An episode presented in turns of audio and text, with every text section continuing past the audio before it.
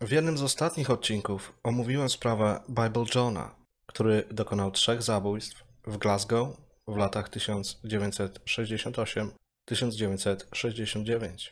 Do dziś nie mamy pewności, kto jest lub był odpowiedzialny za te zbrodnie, ale istnieją ciekawe teorie. Jednym z najczęściej podawanych podejrzanych jest Peter Tobin, o którym należy powiedzieć trochę więcej niż zrobiłem to w pierwszej części dotyczącej biblijnego Jana. Dzisiejszy odcinek można traktować jako rozwinięcie tematu Bible Johna i drugą część tej historii. Trudno mówić o Bible Johnie bez Tobina i o Tobinie bez Bible Johna. W źródłach różnie się podchodzi do tego tematu. Ja postanowiłem jednak podejść do sprawy inaczej. Zacznę od początku i poprowadzę opowieść w miarę możliwości chronologicznie do końca, choć w tym wypadku niekoniecznie wydaje się to naturalne. Nie wszystkim może spodobać się takie podejście, ale zależało mi na przedstawieniu sylwetki Petera w trochę inny sposób, niż jest to zrobione w wielu materiałach dostępnych w internecie. Nie przedłużając, zapraszam na opowieść. Peter Tobin urodził się 27 sierpnia 1946 roku w Johnston, na zachodnich przedmieściach Glasgow. Był najmłodszym z rodzeństwa, miał cztery siostry i trzech braci. W wieku 7 lat trafił do ośrodka wychowawczego, co pozwala nam sądzić, że od najmłodszych lat sprawiał problemy. Do tego typu instytucji nie trafiało się za byle co. Peter wcześniej zaczął zdradzać zainteresowanie kradzieżą i bójkami, także ze swoim rodzeństwem. Jego postawa mogła wynikać z tego, że rówieśnicy mu dokuczali jeszcze zanim trafił do wspomnianego wcześniej ośrodka poprawczego. Jako młodzieniec zaciągnął się do Legii Cudzoziemskiej, z której jednak zdezerterował. Ponownie trafił do zakładu poprawczego, ale tym razem o zaostrzonym rygorze. Krótko po opuszczeniu murów placówki został wysłany tam ponownie na trzy miesiące za próbę kradzieży samochodu. Wyszedł z niego przed rokiem 1968 i miał wtedy 22 lata. Tobin zamieszkał we wschodniej części Glasgow, w dzielnicy Shettleston. Jego relacje z rodziną nie były najlepsze, szczególnie nie dogadywał się z rodzicami.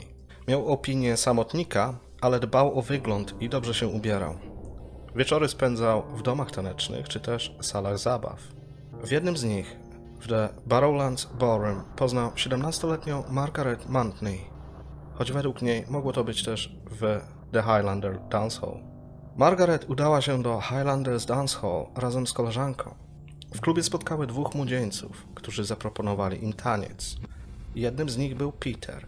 Tobin zrobił na Margaret bardzo dobre wrażenie Według niej jej partner taneczny był przystojny i wygadany. Dziewczyna nie mogła mu się oprzeć. Mimo młodego wieku miała wrażenie, że to jest ten jedyny, z którym spędzi resztę życia. Po tym wieczorze przez kilka tygodni para spotykała się. Byli częstymi gośćmi sal zabaw, takich jak The Highlanders, gdzie się poznali. Lubili odbywać krótkie wycieczki samochodem Tobina po okolicy. Jej rodzice nie mieli nic przeciwko tej znajomości. Peter sprawiał dobre wrażenie. Był elegancki i potrafił się wysławiać. Można było z nim porozmawiać niemal na każdy temat. Po wspólnie spędzonym czasie Peter zawsze odprowadzał Margaret pod drzwi jej domu. Margaret nieraz bywała w domu mężczyzny w Shettleston. To tam, za zamkniętymi drzwiami, wykorzystując swój czar, powoli osłabiał jej pewność siebie i poczucie własnej wartości. Po kilku miesiącach znajomości podczas jednej z takich wizyt, Tobin zaproponował, aby Margaret została u niego na noc. Usłyszał odmowę, co wyraźnie mu się nie spodobało. Margaret wytłumaczyła, że chętnie by została, ale nie tym razem, ponieważ obiecała matce, że będzie w domu o umówionej godzinie. Widząc zmieszanie na twarzy swojego chłopaka, skierowała się do drzwi wejściowych, ale Peter poszedł za nią. Nim ta je otworzyła, położył rękę na nie, to jest drzwi, po czym je zakluczył. Margaret nie wiedziała, co się dzieje. Była to dla niej zupełnie nowa sytuacja. Nigdy nie widziała Petera w takim stanie. Tobin w kilku słowach wytłumaczył Margaret jej pozycję, a polegała ona na tym, że od teraz była więźniem w jego domu. Nie mogła widywać się z rodziną czy znajomymi. Nie mogła opuszczać mieszkania. Musiała wykonywać jego polecenia, zaspokajać jego potrzeby, potrzeby, które obracały się wokół jednej rzeczy. Peter wymuszał na dziewczynie kontakt seksualny nawet kilka razy dziennie. Kiedy ta mu się opierała, co zdarzało się coraz rzadziej, ten ją bił w taki sposób, aby nie było po niej tego widać. Groził nożem, kłując dotkliwie Margaret po udach, aby dać jej do zrozumienia, że nie żartuje. Zadawał jej ból, obiecując większą mękę, jeśli ta nie będzie mu posłuszna. Rodzina oczywiście, jak i znajomi dziewczyny zainteresowali się nagłym zniknięciem Margaret, która po pewnym czasie, zastraszona, Odezwała się i powiedziała im, że wprowadziła się do Petera. Nie wzbudziło to zdziwienia, czy też tym bardziej niepokoju. Para spotykała się już od dłuższego czasu. Dotychczas razem wyglądali na bardzo szczęśliwych. Peter miał dobrą opinię, był zawsze bardzo dobrze ubrany i chętny do pomocy. Tobin nie oszczędzał swojej dziewczyny, nawet gdy ta miała okres. Wydawało się, że wtedy jest jeszcze bardziej nakręcony. Robił co chciał, a potem zostawiał swoją ofiarę samą, bez choćby podstawowych artykułów higienicznych. Pewnego dnia, w 1969 roku, Margaret mu się postawiła. W pewnym sensie. Na pewno tak to zostało odebrane przez Tobina, kiedy usłyszał, że ta się źle czuje i z tego powodu nie ma ochoty na zbliżenie. Wpierw rozwścieczony mężczyzna rzucił dziewczynę na łóżko, po czym spokojnie wyszedł z pokoju. Margaret wiedziała, że jej tego nie odpuści. Nie spodziewała się, że tak po prostu wyjdzie, nie zmuszając ją do stosunku. Po chwili Peter wrócił z ząbkowanym nożem do krojenia chleba, który włożył jej głęboko między nogi, po czym okręcił, jak śrubokrętem. Następnie wyjął ostrze i wykorzystał swoją dziewczynę, a kiedy skończył, po prostu się ubrał i wyszedł z mieszkania, zostawiając Margaret na pewną śmierć.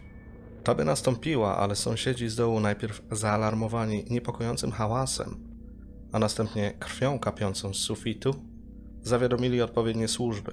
Po wyważeniu drzwi udzielono pomocy dziewczynie, z którą nie było już kontaktu. Margaret miała jednak szczęście. Po trzech tygodniach w szpitalu, które spędziła w śpiączce, wybudziła się. Na początku nie dochodziło do niej, co się stało. Wkrótce jednak wszystko sobie przypomniała. Nic z tym jednak nie zrobiła. Była zbyt wystraszona. Nie potrafiła poprosić o pomoc, choć wydawałoby się, że w szpitalu nic jej nie grozi. Margaret miała sporo szczęścia. Przeżyła. Jednak lekarze powiedzieli, że nigdy nie będzie mogła mieć dzieci. Był to dla niej straszliwy cios, ponieważ marzyłaby zostać matką. W trakcie, gdy Margaret leżała nieprzytomna w szpitalu, Peter kłamał i kłamał dobrze, ponieważ mu uwierzono. Tobin powiedział, że wyszedł z domu w nieznanym mi, ale jednak jakimś konkretnym celu. Wtedy do jego mieszkania miał dostać się włamywacz, który po tym, jak zobaczył Margaret, postanowił ją skrzywdzić. Dziewczyna nie potrafiła nie zgodzić się z tą wersją wydarzeń. Zasłoniła się niepamięcią, aby nie męczono ją niewygodnymi pytaniami. W niedługim czasie Margaret została wypisana z placówki, po czym trafiła z powrotem w ręce swojego oprawcy. Niemal natychmiast Peter spakował ich rzeczy, choć nie wiem jakie dziewczyna miała u niego swoje rzeczy, skoro nie miała dostępu nawet do produktów sanitarnych, po czym wyjechali. W sierpniu 1969 roku przeprowadzili się do Brighton, na południu kraju, gdzie Peter wymusił na swojej ofiarze ślub. Pewne źródła podają, że do ślubu doszło jeszcze w Glasgow, przed przeprowadzką. Jednak doszło do niego po wyjściu kobiety ze szpitala w odległym Brighton. Stało się tak m.in. dlatego, że rodzina ofiary była kilkaset kilometrów dalej i było to łatwiejsze do wyegzekwowania. Tak jak powiedziałem, Margaret była oddalona od rodziny i przyjaciół i to o prawie 750 kilometrów. Sprawiło to, że Tobin pozwolił jej czasem opuścić mieszkanie, ale nadal kontrolował ją na każdym kroku. Widząc samotność żony, Peter kupił Margaret psa, czarnego labradora. Szczeniak wabił się Butte. Biorąc pod uwagę sytuację Margaret, był to wspaniały gest, który dawał odrobinę radości. Nadzieję na to, że mężczyzna nie jest taki zły. Jak się później miało okazać, była to albo chwilowa słabość zwyrodnialca, albo celowe zagranie, które miało jeszcze bardziej zranić kobietę. Tak jak wspomniałem, Margaret mogła od czasu do czasu opuścić dom na krótko. Po powrocie do domu z jednej z takich wizyt, poza murami mieszkania, nazwijmy to wypraw, Margaret zauważyła, że nie ma w nim jej psa. Zapytała męża o to, co stało się z Butem. Ten bez ogródek powiedział, że pozbył się go, wyrzucając przez okno, ponieważ denerwowało go już szczekanie i to, że pies załatwiał swoje potrzeby w domu. Pomijając fakt, że Butte był szczeniakiem i miał jeszcze prawo robić jedynkę i dwójkę w domu, zastanawiające jest to, kto był odpowiedzialny za wyprowadzanie psa, skoro Margaret miała bardzo ograniczone wyjścia z domu. Niemniej kobieta bardzo przeżyła fakt, że jej ukochany zwierzak został zmuszony do życia na ulicy. Nie spodziewała się jednak tego, co jeszcze tego samego dnia zobaczyła, gdy wyjrzała przez okno. Dzieci z sąsiedztwa świetnie się bawiły i robiły przy tym dość sporo hałasu. Margaret zainteresowana spojrzała, co daje im tyle radości, po czym zamarła, widząc, że te grały w piłkę nożną, ale zamiast futbolówki używały głowy psa. Wiedziała już, że kiedy Peter powiedział, że się pozbył Buta, nie miał na myśli tylko wyrzucenie go przez okno na ulicę. Oczywiście zrobił to, ale po uprzednim pozbawieniu go głowy. Dla Margaret to był wstrząs. Zrozumiała, że zakup psa był prawdopodobnie motywowany ochotą na zadanie jej dodatkowego bólu. Mimo, że wcześniej wylądowała już w szpitalu, dopiero w tej chwili zrozumiała, że jest w poważnym niebezpieczeństwie, że następna może być ona. Pewnego dnia Tobin został aresztowany za kradzież dokonaną jeszcze w czasie, gdy mieszkał w Glasgow. W związku z tym razem z żoną został przewieziony do Szkocji, gdzie trafili do aresztu. Początkowo podejrzewano, że Margaret brała udział w tym procederze, jednak ta oczywiście nie miała pojęcia o niczym, całymi dniami będąc zamkniętą w mieszkaniu, gdy Peter załatwiał swoje sprawy na mieście. Policja szybko zorientowała się, że Tobin działał sam i wypuściła Margaret, która została odebrana przez swoją matkę. To był pierwszy raz od prawie roku, kiedy kobiety się ze sobą widziały. Tobin trafił do więzienia za zarzucane mu czyny, natomiast Margaret w tym czasie podzieliła się swoimi przeżyciami z bliskimi, którzy nakłonili ją, aby ta się z nim jak najszybciej rozstała. Do rozwodu doszło w 1971 roku. Tobin nie odpowiedział jednak za koszmar, który zafundował swojej dziewczynie, a potem żonie. Możliwe, że spowodowane to było brakiem odpowiednich zeznań w dalszym ciągu przerażonej Margaret. Po wyjściu z więzienia w 1973 roku Peter wrócił do Brighton. Tobin zarabiał na różne sposoby. Zatrudniał się jako kierowca ciężarówek, kelner czy stolarz. Często się też przeprowadzał. W późniejszym postępowaniu okaże się, że w żadnym z mieszkań nie przebywał dłużej niż rok. Poza tymi krótkotrwałymi zajęciami, często pracami sezonowymi, po prostu kradł. W tym samym roku Tobin poznał młodą pielęgniarkę, Sylwię Jefferies, z którą wziął ślub. Para doczekała się dwójki dzieci, z których jedno niestety zmarło krótko po narodzinach. Po trzech latach doszło do rozwodu spowodowanego nadużyciami wobec żony. Według niej Tobin próbował ją udusić, co mu się nie udało. Dla Sylwii to było zbyt wiele, dlatego odeszła od męża, z którym natychmiast zerwała kontakt. Kolejną żonę Tobin poznał w 1986 roku, 10 lat po rozwodzie z Sylwią. Nie jest pewne, co dokładnie robił w tym czasie, ale biorąc pod uwagę jego zachowanie i doświadczenie z kobietami, można się łatwo domyślić. Kathy Wallison miała 16 lat, gdy pierwszy raz spotkała 40-letniego Petera Tobina.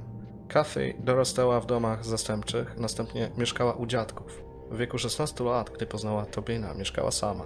Spędzali wspólnie wiele czasu. W końcu Peter zaproponował dziewczynie, aby ta się do niego wprowadziła. Uznała, czemu nie. Robił dobre wrażenie, dawał jej poczucie bezpieczeństwa i sprawiał, że czuła się w jego towarzystwie pewnie. Było to coś, czego jej zawsze brakowało. Tobin jej imponował i wyglądało na to, że dokładnie wie, czego jej potrzeba. Już w grudniu 1987 roku parze urodził się syn. Jeszcze gdy kobieta była w ciąży, doświadczała przemocy ze strony Tobina, który bił ją, oczywiście w taki sposób, aby nie było to widoczne. Kilka tygodni po narodzinach syna para pobrała się. Wynajmowali w tamtym czasie małe mieszkanie w Brighton. Wiadomo jednak, że często zmieniali miejsce zamieszkania. Tobin przez długi czas nie posiadał zatrudnienia, zdobywając pieniądze często w nielegalny sposób. W związku z problemami finansowymi, z jakimi rodzina się borykała, Peter przekonał Kathy do przeprowadzki do Bathgate, koło Edynburga, oddalonego o 470 mil, obiecując jej lepsze życie. W 1988 roku wynajęli trzypokojowe mieszkanie z ogrodem przy Robertson Avenue. Ataki Tobina przybrały na sile, ale Kathy nie czuła, w jak złej sytuacji się znajduje, ponieważ życie dotychczas jej nie oszczędzało. Miała wrażenie, że to, z czym ma do czynienia, jest i tak lepsze niż jej dotychczasowe doświadczenia. Tak to później tłumaczyła. Dlatego za każdym razem, gdy mąż ją bił, ta tłumaczyła to jego zmęczeniem czy złym samopoczuciem i tym, że jest to coś naturalnego, normalnego. Brało się to zapewne z tego, że nie znała ojca. W trakcie dorastania brakowało jej wzoru, więc w Peterze widziała spełnienie swoich marzeń o mężu, który choć był nerwowy i krzywdził kobietę regularnie, dbał o rodzinę i dawał jej potrzebne środki do przeżycia. Nie przeszkadzało jej to, że Tobin się nad nią znęca, ale w pewnym momencie stwierdziła, że to nie są idealne warunki dla jej dziecka. Chciała mu zapewnić lepsze życie, aby nie przechodził przez to samo, co ona. Pewnego dnia powiedziała Peterowi, że chce wziąć z nim rozwód, na co ten zagroził jej, że jeśli ta go opuści, najpierw zabije ich dziecko, zmuszając Kathy, aby ta na to patrzyła, następnie ją samą a na końcu popełni samobójstwo. Przez następne miesiące mężczyzna nie spuszczał żony z oka. Śledził ją na każdym kroku. Nawet gdy ta opuszczała pokój, by udać się za potrzebą, on podążał za nią, uważnie śledząc każdy jej ruch.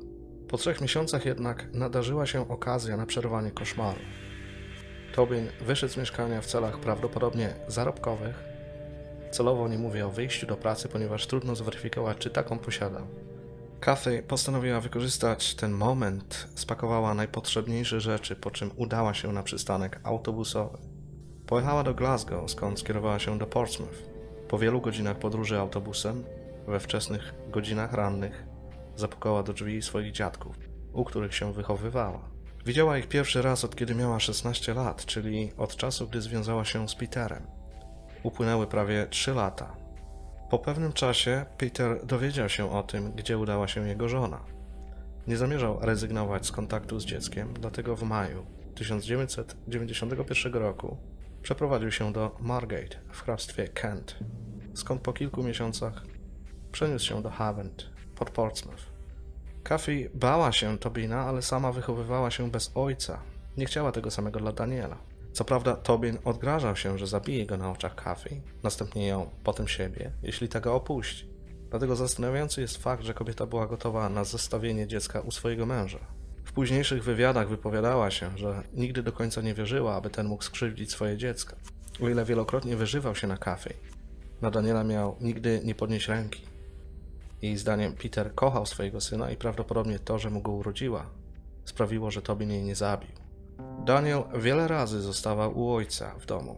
Peter zatrudniał nianie, które zostawały z dzieckiem w domu, gdy ten znikał wieczorami, czasami wracając w okolicach rana następnego dnia. Nie wiadomo, gdzie w tym czasie przebywał Tobin.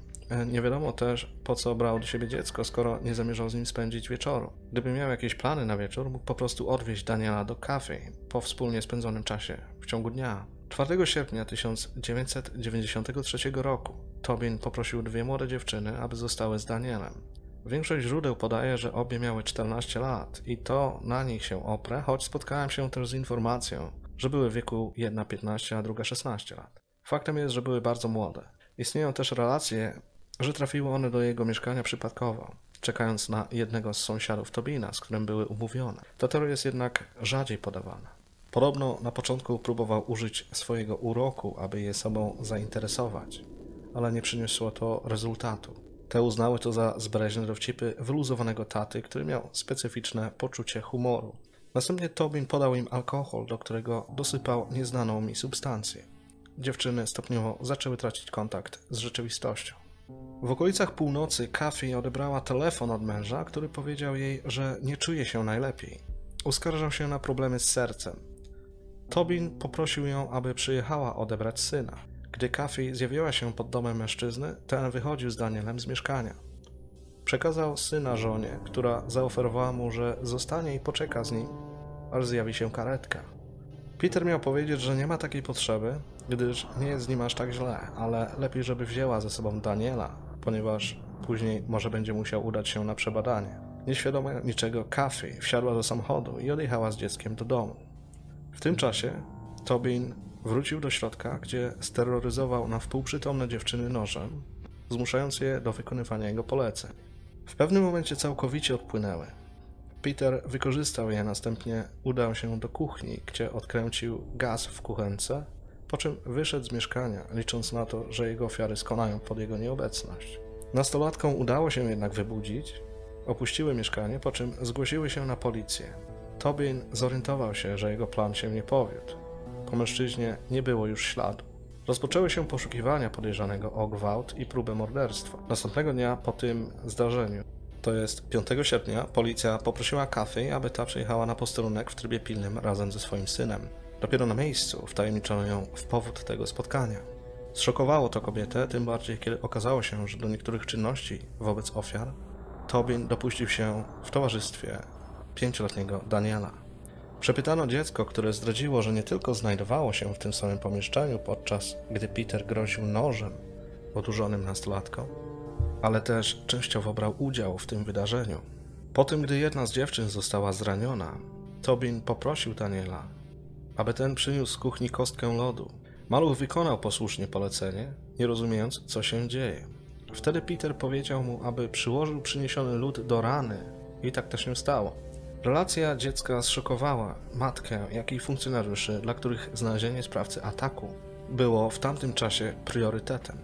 Nie ograniczono się tylko i wyłącznie do rejonu Portsmouth.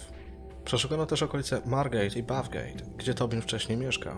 Po kilku tygodniach na policję zgłosiła się osoba, która rozpoznała samochód Tobina. Był to niebieski Austin Metro. Po schwytaniu mężczyzny w Brighton okazało się, że przez ten czas ukrywał się on w Coventry, gdzie znalazł schronienie w grupie religijnej, choć w źródłach często określa się ją jako sektę. W maju 1994 roku doszło do procesu. Mimo dowodów wiążących Tobina z napaścią, doszło do ugody. Peter przyznał się do gwałtu na nastolatkach, w zamian zrezygnowano z zarzutu próby dokonania morderstwa. Peter Tobin został skazany na 14 lat pozbawienia wolności 18 maja 1994 roku. W więzieniu spędził 10 lat, po których warunkowo wyszedł na wolność.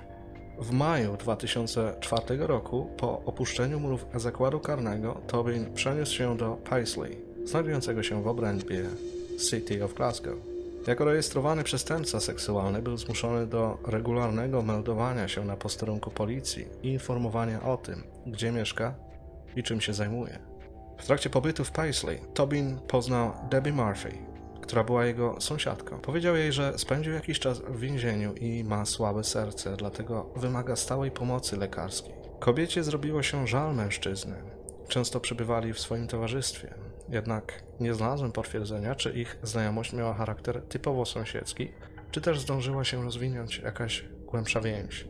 Z pewnością taki zamiar miał Tobin. Tak przecież działał wcześniej. Możliwe, że Debbie związałaby się z Peterem i tym samym stała się jedną z jego ofiar. Jednak odpowiednie służby zorientowały się, że Peter jest zainteresowany swoją sąsiadką. Poinformowały one Debbie, że Tobin spędził w więzieniu 10 lat za przestępstwo seksualne na dwóch czternastolatkach. Kobieta postanowiła porozmawiać z nim o tym. Nie spodobało mu się, co o nim powiedziano Debbie. Zapowiedział, że zaciągnie pomocy prawnej w związku z tymi oczerniającymi go wiadomościami, które zostały przekazane pani Murphy. Debbie nie chciała w nie zresztą wierzyć. Na co dzień widziała Petera jako miłego pana po pięćdziesiątce. Nie miała pojęcia o tym, że może być w nim coś złego. Nie potrafiła sobie nawet tego wyobrazić. Mimo wszystko ich relacja stopniowo zaczęła wygasać. Już nie spędzali wspólnie tyle czasu, co wcześniej. Peter, widząc, że Debbie nie czuje się w jego towarzystwie zbyt komfortowo, że nie jest co do niego pewna, postanowił się przeprowadzić. W 2005 roku Tobin poznał młodą dziewczynę, Cheryl McLaughlin. Peter zaproponował kobiecie pójście do pubu na piwo, ponieważ widywali się już wcześniej na mieście od jakiegoś czasu. Ta się zgodziła. Dobrze im się rozmawiało, dlatego Tobin zapytał, czy nie poszłaby z nim do jego mieszkania na kawę. Tak też się stało. Po miło spędzonym wieczorze nadeszła pora pożegnania się. Cheryl wstała, aby skierować się do wyjścia. Wtedy Tobin doskoczył do niej z nożem i chwytając ją za gardło, kazał jej się położyć. Cheryl nie była jednak łatwym celem ataku. W przeszłości przeszła przeszkolenie wojskowe. Zdobyte umiejętności wykorzystała, aby wybić nóż z dłoni napastnika, jednak w trakcie tego sama poważnie zraniła się w rękę. Skorzystała z chwili, kiedy Peter był zdezorientowany po straceniu broni i pobiegła w kierunku drzwi wyjściowych, które jednak były zakluczone. Klucze co prawda znajdowały się w zamku, jednak w trakcie próby przekręcenia ich upadły na podłogę. Cheryl odwróciła się i zobaczyła Tobina zmierzającego w jej kierunku z nożem. Zaczęła krzyczeć. Agresor, widocznie przestraszony hałasem, jaki dziewczyna narobiła, opuścił broń. Potem Peter udał się do salonu, gdzie zaczął symulować atak serca. Tłumaczył, że to były tylko żarty. Kobieta kazała mu przestać żartować i otworzyć drzwi, bo jeśli faktycznie się źle poczuł, powinien zaczerpnąć świeżego powietrza. Tobin wstał i wypuścił Cheryl, która jak tylko znalazła się na klatce schodowej, zaczęła biec, nie oglądając się za siebie. Udała się do szpitala, gdzie ją opatrzono. Zawiadomiła też odpowiednie służby, które jednak po zjawieniu się w mieszkaniu mężczyzny nie znalazły go na miejscu. Peter Tobin wiedział, że ze swoją przeszłością nie ma co liczyć na łagodne traktowanie. Rozpłynął się w powietrzu i przestał informować policję o swoim położeniu. Od tego momentu, końca 2005 roku, był rejestrowanym napastnikiem seksualnym, który był poszukiwany przez policję w całym kraju. Problem polegał na tym, że poszukiwania te dotyczyły Petera Tobina, a ten mając tego świadomość, zmienił swoje dane, zdobywając nawet fałszywe dokumenty. 24 września 2006 roku Angelika Kluk nie stawiła się w pracy, którą wykonywała w kościele świętego Patryka w Glasgow. Dziewczyna miała 23 lata, była studentką skandynawistyki na Uniwersytecie w Gdańsku. Po raz pierwszy przyjechała do Szkocji, gdzie mieszkała jej siostra, w 2005 roku. By zarobić na studia, zatrzymała się w dzielnicy Anderston, gdzie wykonywała drobne prace we wcześniej wymienionym kościele świętego Patryka. Otrzymywała za to niewielkie wynagrodzenie, ale miała zapewniony dach nad głową i wyżywienie. W okresie letniej przerwy między semestrami w 2006 roku ponownie podjęła pracę na podobnych warunkach w tym samym kościele świętego Patryka. 24 września nie stawiła się tam, gdzie miała, dlatego ojciec Jerry Nugent poszedł do jej pokoju sprawdzić, czy z Angeliką jest wszystko w porządku. Dotychczas nie zdarzało się, aby spóźniała się, dlatego podejrzewał, że dziewczyna się źle czuje i leży u siebie w łóżku. Okazało się, że Angeliki w nim nie było, ale znajdowały się tam wszystkie jej rzeczy. Takie zachowanie nie było czymś, do czego osoby z otoczenia Angeliki przywykły, dlatego zawiadomiono policję. Według nadinspektora Davida Swindle, który zajmował się omawianą sprawą, zaginięcie zostało zgłoszone przez siostrę dziewczyny, którą o jej zniknięciu powiadomił proboszcz Jerry Nugent. W dniu zaginięcia dziewczyny policja porozmawiała z osobami mieszkającymi i pracującymi na terenie parafii. Pytano m.in. Patryka McLaughlina, który był złotą rączką wykonującą pracę w kościele. Powiedział, że nie widział jej i przyznał, że miał z nią dobry kontakt, ponieważ była ona jego praktykantką i nieraz mu pomagała. Wśród podejrzanych był m.in. chłopak Angeliki, którego szybko skreślono, ponieważ w tym czasie podobno przebywał w Hiszpanii. Śledczy sprawdzili też, co działo się dzień wcześniej i zauważono, że dziewczyna była widziana z dwoma osobami. Pierwszy z nich został określony jako golfista George. Wiadomo, że była to osoba związana w jakiś sposób z kościołem, i mówiąc kościół mam na myśli instytucję, a nie tą konkretną parafię, która mieszkała w Aberdeen i uczyła Angelikę gry w golfa.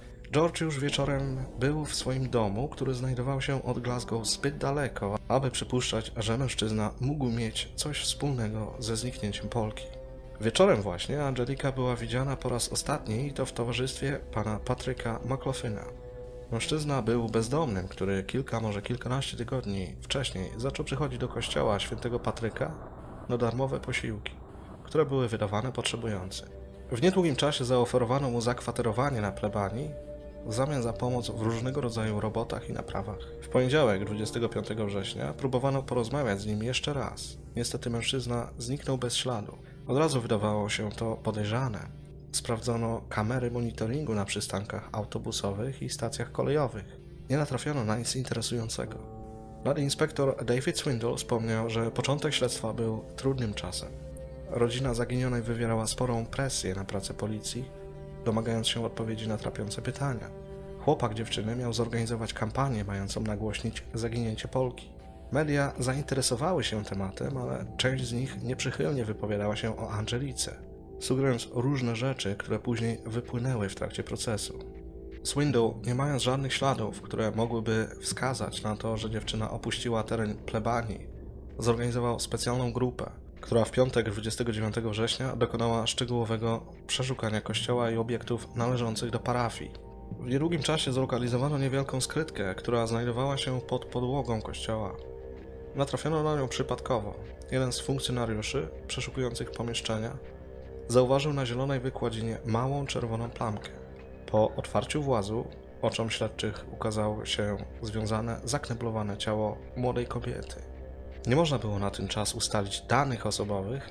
Dzień później, 30 września o 8 rano, sprowadzono na miejsce znalezienia zwłok kryminolożkę Carol Rogers. W tym samym czasie upubliczniono zdjęcie Patryka McLaughlina w mediach, prosząc o kontakt osoby, które mogłyby wskazać miejsce jego przebywania. Krótko po tym na policję zgłosiła się osoba. Była sąsiadka poszukiwanego, pani Debbie Murphy, która podzieliła się ważną informacją. Patrick McLaughlin tak naprawdę nazywał się Peter Tobin. Po przyjrzeniu się Peterowi okazało się, że był on przestępcą seksualnym, który złamał warunek wcześniejszego zwolnienia i od pewnego czasu znajdował się w ukryciu, używając fałszywego imienia i nazwiska. Te dwa odkrycia, które nastąpiły mniej więcej w tym samym czasie, całkowicie zmieniły charakter prowadzonych działań. Zorganizowano konferencję prasową, w trakcie której poinformowano o prawdziwej tożsamości mężczyzny, który był rejestrowanym przestępcą seksualnym, w którego towarzystwie po raz ostatni widziano Angelikę. Poproszono o kontakt osoby, które rozpoznałyby poszukiwanego. W tym samym czasie Carol Rogers miała przed sobą niełatwe zadanie. Musiała się dostać do ciasnego pomieszczenia pod podłogą świątyni, w którym widzenie było znacznie ograniczone. Leżąc tam koło zwłok, musiała je przeanalizować i zebrać potrzebne materiały, które mogłyby ulec uszkodzeniu w trakcie przemieszczania ciała. Na zwłokach kobiety znaleziono czarną torbę, w niej zakrwawione ubrania, a także kilka przedmiotów, w tym nóż. Ostrze było wyraźnie wcześniej wycierane, ale zachowały się na nim śladowe ilości krwi. Na tamtą chwilę nie można było z całą pewnością podać tożsamości zmarłej, ale znaleziono przy niej biżuterię i zegarek, które odpowiadały tym posiadanym przez Polkę. Już następnego dnia wiadomo było, że ciało należało do Angeliki Kluk. Wykazano, że została ona kilkukrotnie uderzona w okolice głowy, zgwałcona, następnie szesnastokrotnie dźgnięta nożem w rejonie klatki piersiowej, a w końcu możliwe, że jeszcze żywa, pochowana pod podłogą kościoła. Zauważono liczne ślady krwi w garażu, gdzie po raz ostatni widziano kobietę. Uznano, że to w tym miejscu musiało dojść do ataku. Krew znaleziono na nodze stołu znajdującego się w garażu należała do Angeliki, a w ranie głowy Polki znajdował się kawałek drewna pochodzący z tego stołu. Przeanalizowano także ślady spermy pozostawione na miejscu zbrodni. Utworzono profil, po czym porównano go ze szkocką bazą danych, następnie brytyjską. DNA zostało dopasowane do Petera Tobina. Już następnego dnia, to jest 1 października, z policją w Londynie skontaktowała się pielęgniarka, która rozpoznała poszukiwanego. Peter Tobin udał się do szpitala, podając nieprawdziwe informacje na temat powodu wizyty. Posługiwał się też zmienionym imieniem i nazwiskiem James Kelly. Dlatego policja metropolitarna wysłała funkcjonariuszy, aby ci przeprowadzili rozmowę z mężczyzną. Potwierdzono, że jest nim poszukiwany podejrzany w sprawie śmierci Polki. Posiadane dowody nie wystarczyły jednak, aby potwierdzić, że Dobin jest winny zabójstwa Angeliki. Nasienie Petera, co prawda, sugerowało jego współżycie ze zmarłą, ale mogło to mieć miejsce za jej zgodą na wiele godzin przed zgonem. Zatrzymano go mimo to i przetransportowano do Szkocji za złamanie warunków zwolnienia, które otrzymał dwa lata wcześniej. Dało to czas śledczym na pozyskanie dodatkowych dowodów, dzięki którym powiązano by Tobina z morderstwem kobiety. Na pasku zegarka znaleziono ślady krwi Angeliki, a w dolnej części koszuli spermę, a także DNA należące do zamordowanej. W kilka dni później po zatrzymaniu podejrzanego śledczy dysponowali odpowiednim materiałem dowodowym, aby oskarżyć Petera Tobina o zabójstwo Angeliki Kluk. W trakcie przesłuchań Tobin nie przyznawał się do winy. Swoje zdanie nie zmienił także w trakcie procesu, który odbył się w dniach między 23 marca a 4 maja 2007 roku. W trakcie rozprawy sądowej zeznawał m.in. ojciec Jerry Nugent. Przyznał się przed sądem do bycia nałogowym alkoholikiem i że miał krótki romans z Angeliką w 2005 roku, który zakończył się jeszcze przed jej powrotem do kraju. Ale według ojca Nagenta ich intymna relacja nie została wznowiona. Kolejną osobą, która zeznawała w związku ze śmiercią Angeliki był Martin McCaskill, 40-letni mężczyzna, który uważał, że miał romans ze zmarłą. Jego żona miała wiedzieć o zdradzie męża i według relacji przesłuchiwanego tolerowała to. Czy informacje o bujnym życiu seksualnym kobiety były prawdziwe, czy też nie? Zostało to wykorzystane przez obronę Tobina. Twierdziła ona, że Peter wielokrotnie współżył z Angeliką, po raz ostatni na krótko przed jej śmiercią. Miało to tłumaczyć pojawienie się jego nasienia na ubraniu i w ciele kobiety. Adwokaci podejrzanego uważali, że należy się przyjrzeć osobie ojca Nagenta. Jego motywem miała być zazdrość o byłą kochankę. Ponadto nadużywał alkoholu, przez co mógł nie zapanować nad emocjami. Według nich to on miał stać za śmiercią Polki. Jednak liczne dowody wskazywały, że było inaczej. Wspomniana wcześniej krew Angeliki na zegarku Petera, czy jej DNA zmieszane ze spermą na koszuli, którą nosił, ale także odciski palców Tobina na szmacie, którą zaknębowano dziewczynę. Jego przeszłość także nie przemawiała na jego korzyść. 4 maja 2007 roku Peter Tobin został skazany na dożywotni pobyt w więzieniu z możliwością ubiegania się o wcześniejsze zwolnienie po odbyciu 21 lat zasądzonej kary. Ten proces przysporzył wiele problemów także proboszczowi Jeremu Nagentowi. W związku z jego wyznaniami został on odsunięty od służby w kwietniu 2007 roku, jeszcze przed końcem procesu Tobina. Rozpoczęto dochodzenie w jego sprawie. W niedługim czasie zgłosiły się trzy kobiety, które twierdziły, że zostały wykorzystane przez księdza w latach 90. Do ich relacji z ojcem Nagentem miało dochodzić przez dwa lata, pierwszy raz, gdy miały 13 lat. Arcybiskupstwo przyznało, że otrzymało w 1999 roku anonimowy donos, według którego kapłan dopuszczał się, cytat, niewłaściwego zachowania seksualnego, koniec cytatu, ale z osobą dorosłą. Po przeprowadzonej w tamtym czasie ewaluacji psychologicznej wykazano jedynie jego problemy z nadużywaniem alkoholu. Kościół po zgłoszeniu się poszkodowanych kobiet przeprosił i obiecał pomoc, także w otrzymaniu finansowej rekompensaty za szkody. Ojciec Jerry Nugent nie doczekał się rozwiązania prowadzonego przeciw niemu postępowania, ponieważ zmarł w 2010 roku. Wydawałoby się, że skazujący wyrok sądu zakończył sprawę Petera Topina, jednak prowadzący śledztwo nadinspektor David Swindle od momentu, kiedy dowiedział się, że Patrick McLaughlin w rzeczywistości nazywa się Peter Tobin, po przyjrzeniu się jego przeszłości, wiedział, że prawdopodobnie ma do czynienia z kimś, kto już wcześniej zabił. Swindle nie wierzył, aby tak okrutnego czynu można było dopuścić się w wieku 60 lat, nie robiąc tego wcześniej. W tydzień po znalezieniu zwłok Angeliki Kluk, detektyw Swindle zorganizował zespół śledczy, dając początek operacji Anagram. Jej celem było przyjrzenie się życiu Petera Tobina, sprawdzenie gdzie i kiedy przebywał. Dysponując tymi informacjami, przeszukiwano bazy danych, aby zobaczyć, czy w okolicy Petera nie doszło do niewyjaśnionych zaginięć czy morderstw. Jednocześnie poproszono lokalne posterunki policji, aby te przyjrzały swoje rejestry w poszukiwaniu nierozwiązanych zdarzeń z okresów, kiedy Tobin przebywał w ich okolicy. Działania te były prowadzone po cichu, z dala od uwagi mediów i co trzeba przyznać, były czasochłonne. Poznanie historii mężczyzny, tak jak ją przedstawiłem, wymagało udania się w wiele oddalonych od siebie miejsc, wyszukanie osób, które miały z nim jakikolwiek związek i przekonanie ich do rozmowy. Sylwia, druga żona Tobina, nie chciała wracać do nieciekawych trzech lat przeżytych na piciu i zastraszaniu. Natomiast Margaret i Kathy zgodziły się spotkać ze śledczymi należącymi do programu Anagram. Wiedziały, że Peter Tobin był zdolny do strasznych rzeczy, nie miały wątpliwości, że byłby w stanie nawet zabić człowieka. Tym bardziej, kiedy przekazano im, że został on zatrzymany i skazany za zabójstwo Polki. Tak jak Davidowi Swindle zależało im, aby dotrzeć do każdej kobiety, która mogła paść jego ofiarą i przeżyła. Ofiary mogły przecież nie czuć się na siłach, aby same zgłosić się na policję, by dzielić się swoimi przeżyciami. Poza tym przeszukiwano spraw zaginięć i zabójstw, które nie zostały rozwiązane. Pewnym momencie Anagram podejrzewał Petera o udział w aż kilkunastu zdarzeniach. Podejrzenia te jednak musiały zostać poparte dowodami bez których nie można było z całą pewnością uznać Tobina za sprawcę zabójstw czy zaginięć, a już na pewno nie można było postawić go przed sądem. Sam Tobin w trakcie rozmów z psychiatrą przyznał się aż do 48 morderstw. Nie miał jednak ochoty dzielić się szczegółami, ani nawet wskazać za zniknięcie i śmierć jakich osób odpowiadał.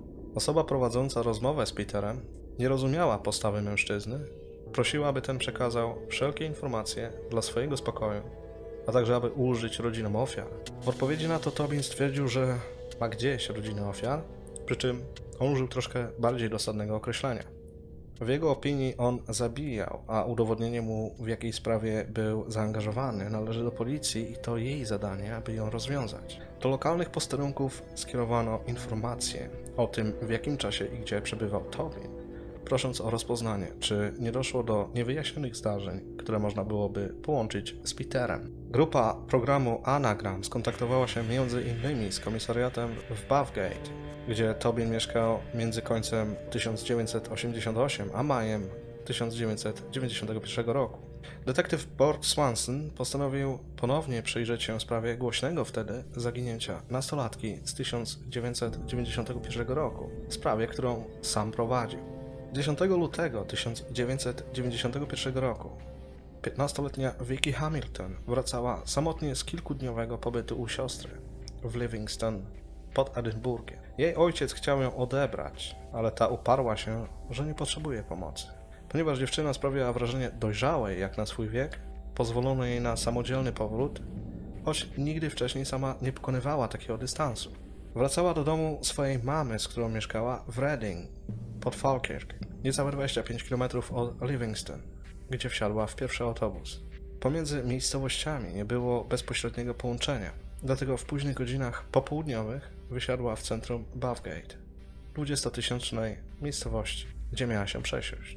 Co prawda pora nie była zbyt późna, ale to była połowa lutego. Szybko się ściemniało. Na ulicach były pustki, ponieważ temperatura na dworze czy też na polu była bardzo niska. Z powodu warunków pogodowych wiele dróg zostało zamkniętych, co mogło wpływać na trudności komunikacyjne, które zmusiły Wiki do przesiadki, ale też powodowało liczne opóźnienia. Do takiego prawdopodobnie też doszło. Dziewczyna podeszła do kilku osób z pytaniem o miejsce przystanku i godzinę odjazdu pojazdu linii zmierzającego do Falkirk.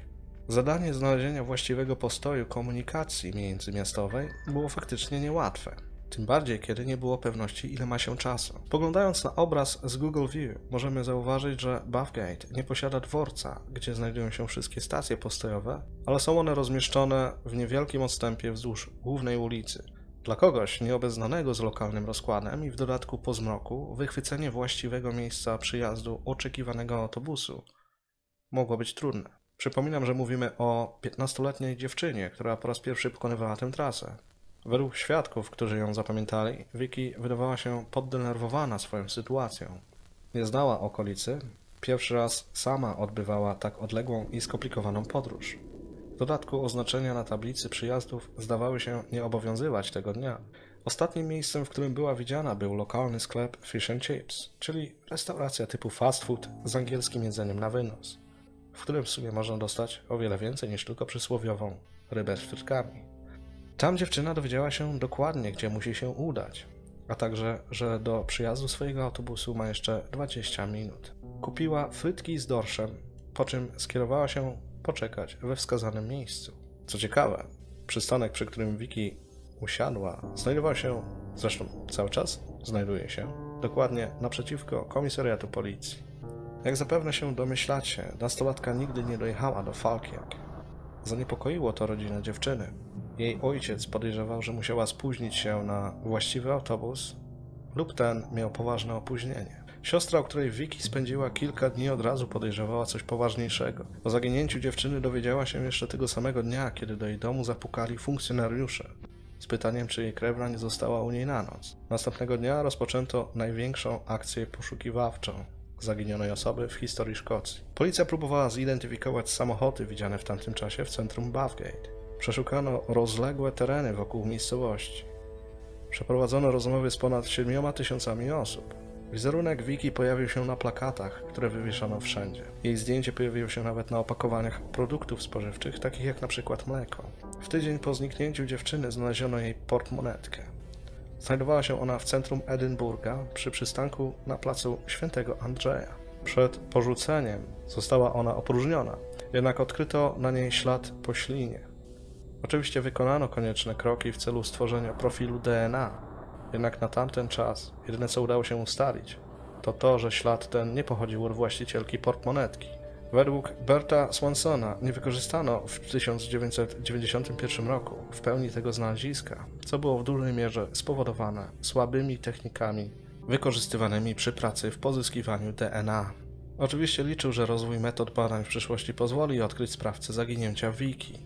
Brak ciała nie pozwalał jednak oficjalnie mówić o zabójstwie, choć z mijającymi latami taka wersja wydarzeń stawała się coraz bardziej wiarygodna. Na szczęście ślina jest bardzo dobrym źródłem kodu genetycznego. Przez lata śledztwo nie przynosiło żadnych rezultatów, mimo że, tak jak wspomniałem, poszukiwania Wiki były największą taką akcją przeprowadzoną na terenie Szkocji. Dopiero w 2007 roku informacja o tym, że Tobin mieszkał w dniu zaginięcia nastolatki w Bathgate zmieniły wszystko. Mieszkał dokładnie przy 11 Robertson Avenue, około 2 km od miejsca, gdzie była widziana po raz ostatni. Dystans ten można pokonać samochodem w około 5 minut. W trakcie poszukiwań Wiki śledczy z lokalnego posterunku nie wiedzieli o tym, że Tobin przebywał w pobliżu. Pewnie nawet nie wiedzieli kim był, ponieważ do tego wydarzenia doszło zanim trafił do więzienia za gwałt na dwóch nastolatkach w 1993 roku. Dotychczas trafiał wielokrotnie do aresztu, ale za drobne kradzieże, a z tego powodu nie śledzi się nikogo po odbyciu kary. Nowa informacja jednak sprawiła, że w detektywie Bruce Swanson pojawiła się nadzieja na odkrycie odpowiedzi na tropiące go od ponad 15 lat pytania. Postanowiono ponownie przeprowadzić badania śliny pozostawionej na znalezionym przedmiocie, kiedyś należącym do zaginionej. Wiara w rozwój technologii się opłaciła. Przeprowadzono odpowiednie czynności i pozyskany profil porównano z danymi Petera Tobina. Wykazano niepełne, ale ścisłe dopasowanie. Śledczy z programu Anagram ustalili, że w lutym 1991 roku u Tobina w Puffgate przebywał jego syn, Daniel. Pobrano od niego próbkę, która po wykonaniu odpowiednich czynności potwierdziła, że ślina na portmonetce pochodziła od niego. Pozyskane dopasowanie pozwoliło zdobyć nakaz na przeszukanie domu przy Robertson Avenue. Na poddaszu odkryto sztylet, który zawierał materiał genetyczny, prawdopodobnie pochodzący ze skóry należący do Vicky Hamilton. Pewne było, że za jej zniknięcie odpowiadał Tobin i że dziewczyna była w jego mieszkaniu tym samym czasie, kiedy ten zajmował się swoim kilkuletnim synem. Nie znaleziono jednak ciała, dlatego nie można było oskarżyć Petera o zabójstwo, tym bardziej, że ten nie przyznawał się do winy, twierdząc, że Vicky nigdy nie spotkał. Postawiono mu jednak zarzuty związane z uprowadzeniem dziewczyny. Tobin odbywał już wyrok za dokonany gwałt i zabójstwo Angeliki Kluk, który usłyszał dwa miesiące wcześniej. W tym samym czasie na południu Anglii prowadzono działania w innej sprawie. 5 sierpnia 1991 roku, pół roku po zniknięciu Wiki, zaginęła 18-letnia Dinah McNichol. Dziewczyna pochodząca z Tillingham, liczącej blisko tysiąc mieszkańców wsi w hrabstwie Essex pod Malden, udała się na festiwal muzyki popularnej w Liphook w Hampshire. Diana posiadała blisko 2000 funtów na swoim koncie, które otrzymała w 18 urodziny. Środki te miały być rekompensatą za śmierć jej matki, jednak nie dotarłem do szczegółów w tej kwestii. Dziewczyna postanowiła przeznaczyć całą kwotę na przyszłą edukację, dlatego nie korzystała z nich w trakcie swojej wycieczki do Hampshire. Na festiwal podwiózł ją jej nauczyciel, który akurat zmierzał w podobnym kierunku.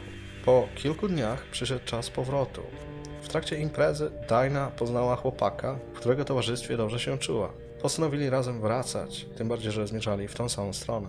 Natychmiast rozpoczęto poszukiwanie młodej kobiety, która nie dotarła do domu 5 sierpnia 1991 roku. Wyemitowano odcinek w programie Crime Watch, gdzie skupiono się na jej zaginięciu. W trakcie tego epizodu jeden ze śledczych przyznał, że z konta dziewczyny zniknęły prawie wszystkie pieniądze. Między 8 a 25 sierpnia wypłacono łącznie 1900 funtów w 13 lokalizacjach w okolicach miejscowości Margate, Brighton i Havant. Poproszono także o kontakt osobę, z którą Dinah udała się w drogę powrotną do domu. Po kilku dniach 25-letni mężczyzna zgłosił się na policję. Szybko wykazano, że nie ma nic wspólnego z zaginięciem dziewczyny. Jego zeznania przekazały dodatkowe informacje na temat jej zniknięcia. Na stacji benzynowej w niewielkiej odległości od Liphook podróżująca para zagadała miłego pana ze szkockim akcentem. Ten zgodził się ich zabrać z sobą. Diana ze swoim towarzyszem wsiadła do jasno-zielonego samochodu nieokreślonej marki, według opisu mężczyzny około 10-letniego. Pozyskano mało dokładny opis wyglądu kierowcy, który mógł mieć między 35 a 45 lat. Poznany na festiwalu towarzysz Dajny poprosił, aby wysadzić go przy ósmym zjeździe z autostrady M25 pod Londynem.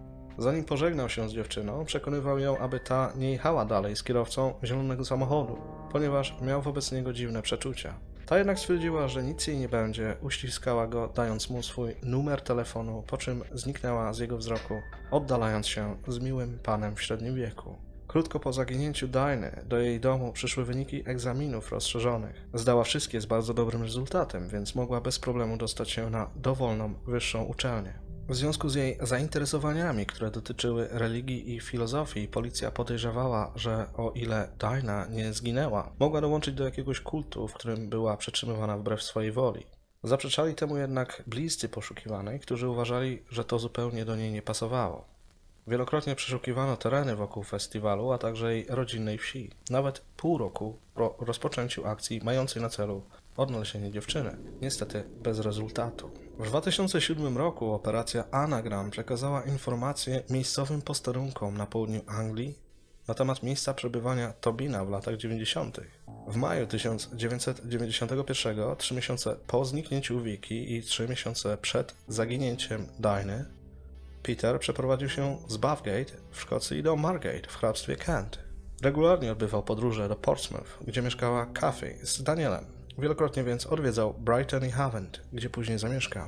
Lokalizacje te odpowiadały miejscom, w których wypłacono pieniądze z konta Dajny. To był pierwszy element, który zwrócił uwagę śledczych w 2007 roku. Funkcjonariusze przeprowadzili rozmowy z byłymi sąsiadami Tobina w Margate. Większość z nich podała, że był miłym, cichym człowiekiem. Jeden z nich, pan David, wspomniał, że krótko po przeprowadzce z Bathgate zauważył go pracującego w ogrodzie. Nie byłoby w tym nic dziwnego, ale Peter kopał dość głęboki dół. Sąsiad zapytał go o powód tych prac w ramach sąsiedzkiej ciekawości i wymiany kilku zdań przez płot. Tobin powiedział, że ma zamiar zbudować piaskownicę dla swojego syna, żeby ten miał się gdzie bawić, gdy przyjedzie go odwiedzić. Widząc jednak, jak głęboko Peter kopie, zażartował ten, ten sąsiad, że zaraz przebije się do Australii, na co usłyszał, że dół musi być głęboki, żeby piaskownica była dobrze zrobiona. Ten sam sąsiad ze zdziwieniem zauważył, że następnego dnia Tobin zakopuje wypracowany z trudem dół. Zapytał go o powód takiego działania. Tobin natomiast wytłumaczył mu, że otrzymał informację z właściwego urzędu, że nie może bez odpowiedniego pozwolenia budować piaskownicy w ogrodzie ze względów związanych z bezpieczeństwem. Opis tego zdarzenia zainteresował śledczych. Dysponując wiedzą o tym, że zostało mu udowodnione zabójstwo Polki, a także, że pochował jej ciało, a więc miał to w zwyczaju, postanowili wystąpić o przeszukanie jego byłego domu w Margate. Badacze śledczy w listopadzie 2007 roku wkroczyli do posiadłości przy 50 Urban Drive, gdzie głównie skupili się na przeszukiwaniu ogrodu. Sprowadzono specjalne jednostki z Londynu, które dysponowały sprzętem rentgenowskim. Naruszono wierzchnią warstwę, aby stwierdzić, czy w przeszłości nie doszło do jej naruszenia. Wykazano, że faktycznie ziemia została przekopana w miejscu, które zostało wskazane przez sąsiada, miejscu, w którym miała powstać piaskownica. Rozpoczęto wykop ziemi. W pewnym momencie natrafiono na dwa duże elementy zawinięte w plastikowe torby na śmieci. Zawierały one zwłoki, które zostały przekrojone w połowie. W jednej torbie górna część, w drugiej dolna. Pracujący na miejscu specjaliści przekazali znalezione ciało w celu identyfikacji i wykazaniu powodu zgonu. Wszyscy byli oczywiście przekonani, że właśnie wykopano pozostałości Diny McNichol.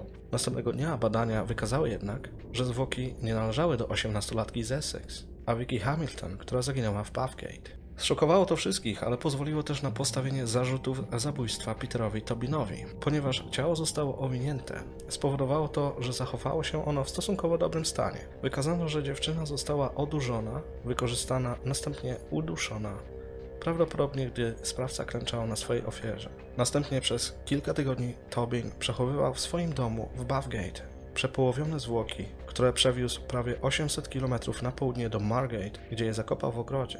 Zachowanie to było bardzo nietypowe i wskazywało na mobilność Petera Tobina, co stawiało więcej znaków zapytania o jego potencjalny udział w innych morderstwach. W końcu sam przyznawał się do 48 zabójstw. Kontynuowano pracę i wkrótce w tym samym ogrodzie odnaleziono kolejne ciało, które także było zawinięte w plastikowe torby.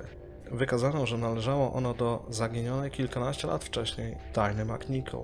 Nie stwierdzono, jaki był powód jej śmierci, ale znaleziono śladowe ilości leku, który był na początku lat 90. przypisany Peterowi Tobinowi. Dysponowano wystarczającą ilością dowodów, aby postawić go w stan oskarżenia w dwóch odrębnych procesach. Tobin nie przyznawał się do zabójstw, twierdził, że ciała zostały mu podrzucone. W trakcie przesłuchań odpowiadał wymijająco i nie współpracował w celu wyjaśnienia okoliczności śmierci Vicky i Diny. Proces w sprawie zabójstwa Vicky Hamilton odbył się 3 listopada 2008 roku. Po 21 dniach Tobin został uznany winnym zarzuconych mu czynów. Ława przysięgłych potrzebowała 2,5 godziny, aby podjąć swoją decyzję. Z kolei 23 czerwca 2009 roku rozpoczął się proces w sprawie morderstwa Diny McNichol. Zakończył się dopiero w grudniu tego samego roku. W obu przypadkach Peter Tobin został skazany na dożywocie. Niestety możliwe, że jego ofiar było więcej, jednak ostatecznie nie udało się go połączyć z innymi zabójstwami czy zaginięciami.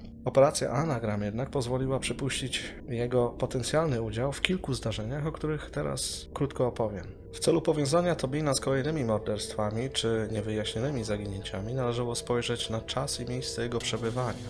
Nie mógł dokonać zbrodni przebywając w zakładzie zamkniętym. Opiszę w skrócie życie antybohatera dzisiejszego odcinka z zaznaczeniem zabójstw, o których wiemy i tych, które najczęściej wiązane są z Peterem Tobinem. Operacja Anagram ustaliła, że od momentu narodzin do 1968 roku, kiedy opuścił więzienie za próbę kradzieży samochodu, Tobin prawdopodobnie nie miał na koncie niczego poważniejszego. Od początku 1968 roku do sierpnia 1969 mieszkał w Shettleston, wschodniej dzielnicy Glasgow. Na początku 1969 zaczął spotykać się z Margaret, która w końcu uwięził. Dlatego kobieta nie mogła wiedzieć, czy w tym czasie Tobin pozbawił kogoś życia. Ponieważ jednak dokonał próby zabójstwa swojej dziewczyny, a także wielokrotnie ją gwałcił, o czym wiemy na pewno, możliwe, że już po opuszczeniu zakładu karnego na początku 1968 roku, w trakcie pobytu w Glasgow do sierpnia 1969 roku, mógł popełnić gwałt lub morderstwo o którym nie wiemy. W tym okresie działał popularny Bible John, którego ewentualne powiązanie z Tobinem szczegółowo omówię w następnej części tego odcinka. Następnie Tobin przebywał w Brighton aż do momentu, kiedy został aresztowany w połowie 1970 roku za drobne przestępstwa dokonane w Glasgow. Według operacji Anagram Tobin może odpowiadać za śmierć dwóch kobiet, które znaleziono zgwałcone i martwe w 1970 roku jeszcze przed aresztowaniem Petera. Ciało 18-letniej Jacqueline Ansel Lamb odkryto w hrabstwie Cheshire przy drodze M6. Dziewczyna wracała z Londynu do Manchesteru, łapiąc stopa. Krótko później 24-letnia Barbara Mayo została znaleziona przy M1 w hrabstwie Derbyshire. Obie kobiety są uważane za ofiary tego samego napastnika. Niektórzy łączą je z działalnością Petera Sutcliffe'a, rzeźnika z Yorkshire. Do dziś nie ustalono sprawcy lub sprawców ataku, Peter, jako człowiek mobilny, często się przemieszczający, został uznany przez śledczych operacji Anagram za prawdopodobnego zabójcę tych kobiet. W 1973 roku, po odbyciu kary w Szkocji, Tobin wyszedł na wolność, skąd przeniósł się do Brighton. Od 1973 do 1976 roku Peter był w związku z Sylwią. W trakcie trwania tego małżeństwa wielokrotnie wyjeżdżał z miasta, co łączyło się z jego pracą jako kierowca. 27 sierpnia 1974 roku zaginęła 22-letnia Pamela Exel, studentka, która w okolicach Norfolk spędzała letnią przerwę w nauce. Kobieta jest uważana za możliwą ofiarę Tobina, choć jej ciała nigdy nie odnaleziono. Między 1976 a 1986 rokiem Niewiele wiadomo o tym, co działo się z mężczyzną. Przypuszczalnie cały ten czas Tobin mieszkał w Brighton, ale biorąc pod uwagę jego mobilność, a także liczne prace, jakich się podejmował, mógł być wszędzie. Znane były przypadki, kiedy w ciągu doby odbywał podróż między Szkocją a południową Anglią i z powrotem. W ciągu doby. W tym czasie, to jest między 1976 a 1986 rokiem, doszło do pięciu zdarzeń, które wiąże się z Tobinem. W październiku 1977 roku zaginęła 19-letnia Jill Bernard. Po raz ostatni widziano ją, gdy opuszczała skład w Londynie, czyli obiekt mieszkalny zajmowany nielegalnie. Z kolei dwa lata później, w sierpniu, Susan Lawrence, 14-letnia dziewczyna, nie wróciła do swojego domu w Essex, dokładnie w Romford, która obecnie jest dzielnicą Londynu. Po raz ostatni widziana była w Highbury we wschodnim Londynie, gdy kierowała się do swojego domu. 15 maja 1980 roku w Eastbourne, w Sussex, zaginęła 22-letnia studentka sztuki Jessie Earl. Jej niekompletny szkielet znaleziono dopiero w 1989 roku w Beachhead pod Eastbourne. Z kolei 16 czerwca tego samego roku, to jest 1980, zaginęła 14-letnia Patricia Morris. Dwa dni później odnaleziono jej ciało niedaleko miejsca zamieszkania. Do śmierci doszło przez uduszenie pończochą, Mimo obnażonej dolnej części ciała, sekcja nie wykazała gwałt. Wzięto pod uwagę kilka możliwych sprawców, w tym Tobina. Rodzice Patty byli przekonani co do jego udziału w tej zbrodni. W 1983 roku przy autostradzie M1 w okolicach północnego Londynu znaleziono zwłoki 36-letniej prawniczki Janice Weston, którą także przypisuje się Tobinowi. Dochodzimy do roku 1986, kiedy to Peter poznał Kathy, przyszłą trzecią żonę. Dwa lata później rodzina przeniosła się do Bathgate. W tym samym roku zaginęła Louis Kay, 18-latka z Eastburn. Dziewczyny żywej lub martwej nigdy nie odnaleziono. Według śledczych z operacji Anagram, Louis miała nieszczęście spotkać na swojej drodze Tobina. Z Bathgate Kathy wyprowadziła się pod koniec 1990 roku. Pół roku później Peter również opuścił Szkocję. Jak wiemy jednak, nim przeniósł się do Margate, w lutym zamordował Vicky Hamilton. Jej przepołowione ciało trzymał ukryte na terenie swojej posiadłości aż do maja 1991 roku. W Margate zakopał je w ogrodzie. Podobnie uczynił ze zwłokami Dinah McNichol, którą porwał i zabił 5 sierpnia tego samego roku. Pod koniec 1991 roku Tobin przeprowadził się do Havant, gdzie według funkcjonariuszy skupionych wokół operacji Anagram prawdopodobnie dokonał przynajmniej jedną zbrodnię, której z nim nie powiązano. Przez kilka tygodni Tobin podróżował między Brighton a Coventry. Nie wiadomo jednak, czy doszło w tym czasie do zdarzeń, w których mężczyzna mógł mieć swój udział. Do 2004 roku następnie Tobin przebywał w zakładzie karnym do momentu wylądowania na ulicy pod koniec 2005 roku najpewniej nie popełni żadnej zbrodni, ponieważ był zbyt mocno zainteresowany Debbie, a następnie Cheryl. Od połowy 2006 roku Peter przebywał na terenie parafii świętego Patryka w Anderston, dzielnicy Glasgow, jako Pat McLaughlin, aż do dnia, kiedy uciekł po zamordowaniu Angeliki Kluk. Tak jak powiedziałem, podane nazwiska są niektórymi, ale najczęściej wymienianymi przy omawianiu sprawy Petera Tobina, choć on sam przyznał się do 48 zabójstw. Według Davida Swindle na pewno tych zdarzeń z udziałem Tobina było więcej niż tylko trzy, które mu udowodniono. Detektyw uważa, że mógł on odpowiadać za około 20 morderstw. Żadnych nowych zabójstw mu jednak nie przypisano. Próbowano wykonać badania DNA, jednak zachowane próbki nie były najlepszej jakości. Zatrzymany nie wykazał chęci współpracy i do dziś znajduje się w więzieniu, którego nigdy już nie opuści. W więzieniu kilkukrotnie zresztą został napadnięty przez współwięźniów, przez co rzadko opuszcza cele. W 2015 roku przeszedł atak serca, który tak często symulował w przeszłości, a w zeszłym roku stwierdzono go nowotwór. Możliwe, że już nigdy nie dowiemy się, kogo zabił Peter Tobin, choć jest jeszcze jeden ciekawy trop. Mówiąc o Peterze Tobinie, nie da się ominąć tematu Bible Johna. Nie bez powodu jest to druga część omawiająca zabójstwa z końca lat 60. w Glasgow. Istnieje wiele wskazówek, które pozwalają nam sądzić, że pierwszą osobę Tobin zamordował już w 1968 roku. Można też natrafić na przekonujące informacje, które temu zaprzeczają. Ja jednak postaram się wykazać, że mogą one być błędne. Częściowo to już zrobiłem w pierwszej części dotyczącej Bible Johna. Nie przedłużając jednak, rozpocznę od ogólnego opisu historii, która do dziś jest zagadkowa dla wielu osób, w tym dla mnie. W piątek, 23 lutego 1968 roku, lokalny stolarz natrafił na ciało kobiety w przejściu przy Ledard Road w Glasgow. Zmarłą okazała się być Patricia Docker, która mieszkała 300 metrów od miejsca znalezienia jej zwłok. Kobieta była naga, miała rany w okolicach twarzy i klatki piersiowej. Przyczyną zgonu było uduszenie. W pobliżu znaleziono jedynie jej buta i podpaskę. W późniejszym czasie wyłowiono także zegarek i opróżnioną torebkę z pobliskiej rzeki Card. Początkowo skierowano się do sali tanecznej Majestic Ballroom w centrum miasta, gdzie według rodziny Patrycja miała przebywać poprzedniego wieczoru. Niebawem jednak okazało się, że kilka godzin przed swoją śmiercią bawiła się w The Barrowlands Ballroom. Klub nie cieszył się najlepszą opinią, co zapewne stało się powodem nieprzekazania przez kobietę swoim rodzicom prawdy na temat miejsca, którym zamierzała spędzić wieczór. Mimo poczynionych działań w celu rozwiązania zagadki śmierci młodej pielęgniarki, nie udało się ustalić, z kim Patrycja opuściła The Barrowland. W niedługim czasie policja przestała aktywnie zajmować się sprawą, uznając, że jest to kolejna przypadkowa zbrodnia, w której nie uda się ustalić zabójcy. Kilkanaście miesięcy później, 18 sierpnia 1969 roku, znaleziono ciało 32-letniej Jemimy MacDonald.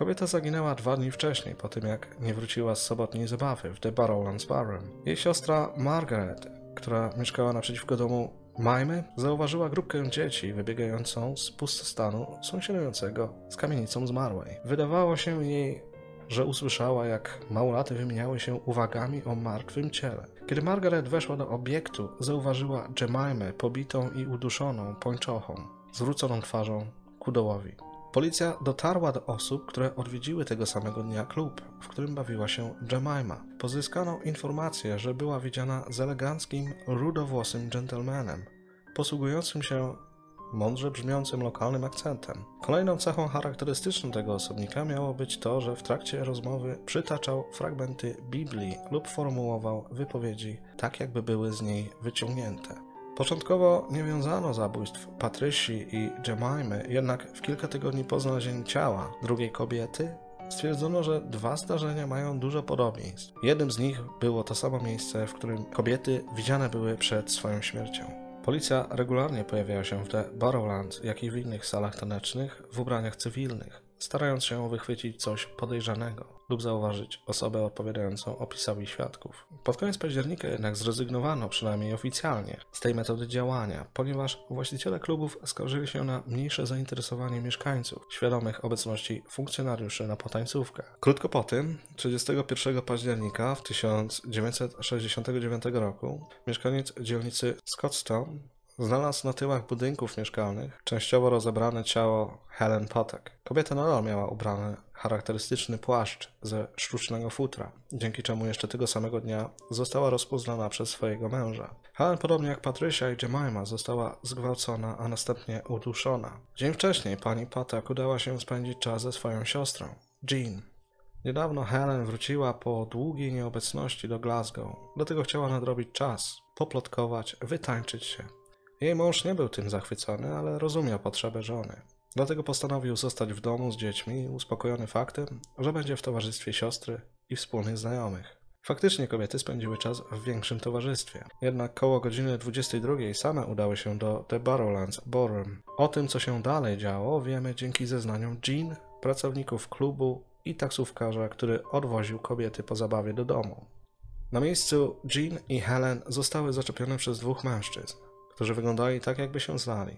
Obaj przedstawili się jako John, co wydało się panią zabawne, ale niepodejrzane, ponieważ biorąc pod uwagę renomę lokalu, goście często posługiwali się zmyślonymi imionami. Partner Helen został opisany podobnie jak osoba, z którą swój ostatni wieczór spędziła Jemima. W okolicach północy towarzystwo stwierdziło, że czas wracać do domu. Partner Jean udał się na autobus, tymczasem John tańczący z Helen wsiadł do tej samej taksówki co siostry. Zanim jeszcze opuścili klub, wywiązała się sprzeczka między obsługą klubu a rodowłosym Johnem z powodu maszyny z wyrobami tytoniowymi, która nie wydała Helen ani produktu, ani wrzuconych pieniędzy. Zeznania ochroniarzy, jak i kierownika obiektu podważą później relację Jean na temat tego, jak wyglądał potencjalny sprawca. W trakcie jazdy Jean przyjrzała się jednak mężczyźnie. Zapamiętała, że miał on jasne oczy, prawdopodobnie niebieskie lub szare.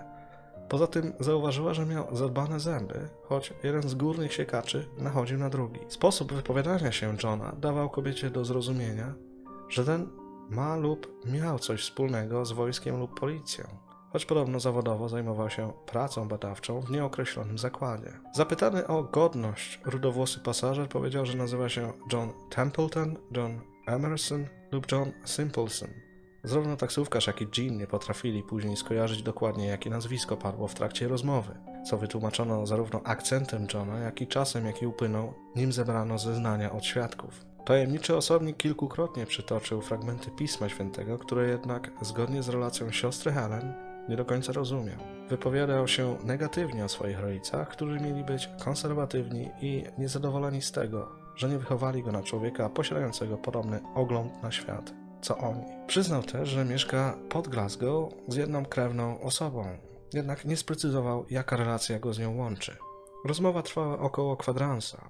Pierwsza wysiadła Jean Langford, pod której dom taksówka wpierw się udała. Kobieta nie bała się zostawić siostry w towarzystwie nowo poznanej osoby, ponieważ ta sprawiała pozytywne wrażenie. Poza tym wierzyła, że kierowca samochodu zadba o jej bezpieczeństwo. Następnie taksówka udała się w kierunku domu Helen. Prowadzący pojazd nie znał za dobrze okolicy, dlatego po kilku minutach błądzenia po uliczkach Scotstoun Helen zniecierpliwiona wysiadła z pojazdu. Podążył za nią John, który wcześniej opłacił cały kurs. Kierowca nie interweniował, choć zauważył, że para wykłóca się. ponieważ uznał to za sprzeczkę zakochanej pary. Między godziną pierwszą a drugą rano później widziano elegancko ubranego młodego człowieka z zadrapaną twarzą, który wyglądał podobnie do opisu Johna. Ostatni raz widziany był w okolicach centrum przez kierowcę autobusu, z którego skorzystał podejrzany. Sporządzono też portret pamięciowy, a właściwie dwa. Zostały one namalowane przez lokalną artystkę Lennox Patterson. Dostarczono jej nawet próbkę sierści psa, który błąkał się po ulicach Glasgow, a według jednego ze świadków miał mieć dokładnie taki sam kolor co włosy poszukiwanego. Śledztwo było zakrojone na szeroką skalę, nie ograniczono się do Szkocji. Wizerunek Johna, którego zaczęto nazywać Bible Johnem, pojawił się na terenie całej Wielkiej Brytanii, a nawet w jednostkach wojskowych rozmieszczonych na całym świecie, ponieważ sądzono, że sprawca ataków mógł być powiązany z wojskiem. Przepytano setki dentystów, krawców, fryzjerów. Udano się do około 400 pól golfowych, ponieważ krewny Johna miał być podobno bardzo dobry w tym sporcie i posiadać pewne rzadkie osiągnięcia. Nikt jednak nie potrafił wskazać właściwej osoby. A my zastanówmy się teraz, czy Peter Tobin mógł być Bible Johnem. Zacznę od wykazania, gdzie i kiedy Peter się znajdował. Pod koniec 1967 roku wyszedł na wolność po trzymiesięcznym pobycie w zakładzie zamkniętym za próbę ukradzenia samochodu. Pod koniec lutego, kiedy doszło do ataku na Patricia Docker, wynajmował mieszkanie w Shettleston, dzielnicy Glasgow. Mieszkał w nim do końca sierpnia następnego roku. W międzyczasie spotykał się, później związał z Margaret Montney. Jednak ponieważ więził kobietę wbrew jej woli, ta nie miała pojęcia, co Tobin robił, gdy go nie było w domu. 16 sierpnia zamordowano Jemima MacDonald. 31 października, dwa miesiące po przeprowadzce Tobina do Brighton, zmarła z kolei Helen Potek. Wydaje się to wykluczać Tobina z kręgu podejrzanych w tej sprawie. Jednak rozpoczęta w 2006 roku operacja Anagram wykazała, że wielokrotnie pokonywał on duże odległości w krótkim czasie. Ponadto wykazano, że Bible John musiał znać Glasgow, mimo charakterystycznego wyglądu i dużej akcji poszukiwawczej. Nikt nie był w stanie go wskazać. Możliwe, że mężczyzna nie mógł zostać zidentyfikowany, ponieważ po śmierci pani Patek nie przebywał już w Glasgow. Wydaje się realne, że Tobin udał się w jedną z wielu swoich podróży, gdzie z dala od swojego miejsca zamieszkania dokonał zbrodni, o którą później nikt by go nie podejrzewał. Następną kwestią jest wygląd mężczyzny. Na zdjęciu z młodości Tobin przypomina postać z malunku wykonanego przez panią Lennox Patterson. Nie zgadza się jedynie kolor włosów i oczu. Jednak ten mógł zostać zmieniony na potrzebę wyjazdu do Szkocji. Poza tym pojawiły się też doniesienia, że sprawny i wygadany tancerz, podający się za Johna, mógł mieć ciemne włosy, a nie rude. Oczy także mogły zostać błędnie zapamiętane. Tym bardziej, że relacji opisujących ten fragment ciała było o wiele mniej i też nie były one spójne. Dane o ciemnym kolorze włosów i oczu pochodzą głównie od obsługi klubu The Borderlands. Choć te zeznania nie pokrywają się z opisami większości świadków, należy pamiętać, że ochrona, jak i kierownictwo sali tanecznej nie było pod wpływem alkoholu podczas kontaktu z podejrzanym. Trzeźwość lub jej brak często pojawiały się w odniesieniu do opisu mężczyzny. Pozostali goście The Barrowlands byli pod wpływem alkoholu i przebywali w towarzystwie tajemniczego Johna głównie w zaciemnionych pomieszczeniach, co mogło wpływać na to, jak go zapamiętali. Pierwszy rysunek mężczyzny, który powstał po ataku na Jemimę, przedstawiał osobnika z ciemnymi włosami i oczami. O tym też należy pamiętać. Mówiąc o wyglądzie, nie można pominąć tematu uzumienia Bible Johna. Zdecydowana większość świadków podała, że górne siekacze nachodziły na siebie. Pracownicy obiektu ponownie zaprzeczyli temu, twierdząc, że osoba, która wykucała się z nimi pod maszyną z papierosami, nie miała jednego z przednich górnych zębów. Peter Tobin faktycznie usunął górnego siekacza w połowie 1969 roku, krótko przed zabójstwem ostatniej ofiary Johna. Możliwe, że ponownie z powodu braku trzeźwości i odpowiedniego światła niewłaściwie zapamiętano tę część ciała mężczyzny. Relacje pracowników The Barrowlands wyraźnie wskazywałyby na Petera Tobina. Należy pamiętać, że malunek Lennox Patterson przedstawiający jasno-rudego pana pochodził głównie z opisu przedstawionego przez Jean Langford i różnił się od tego, który ta sama artystka wykonała kilka miesięcy wcześniej.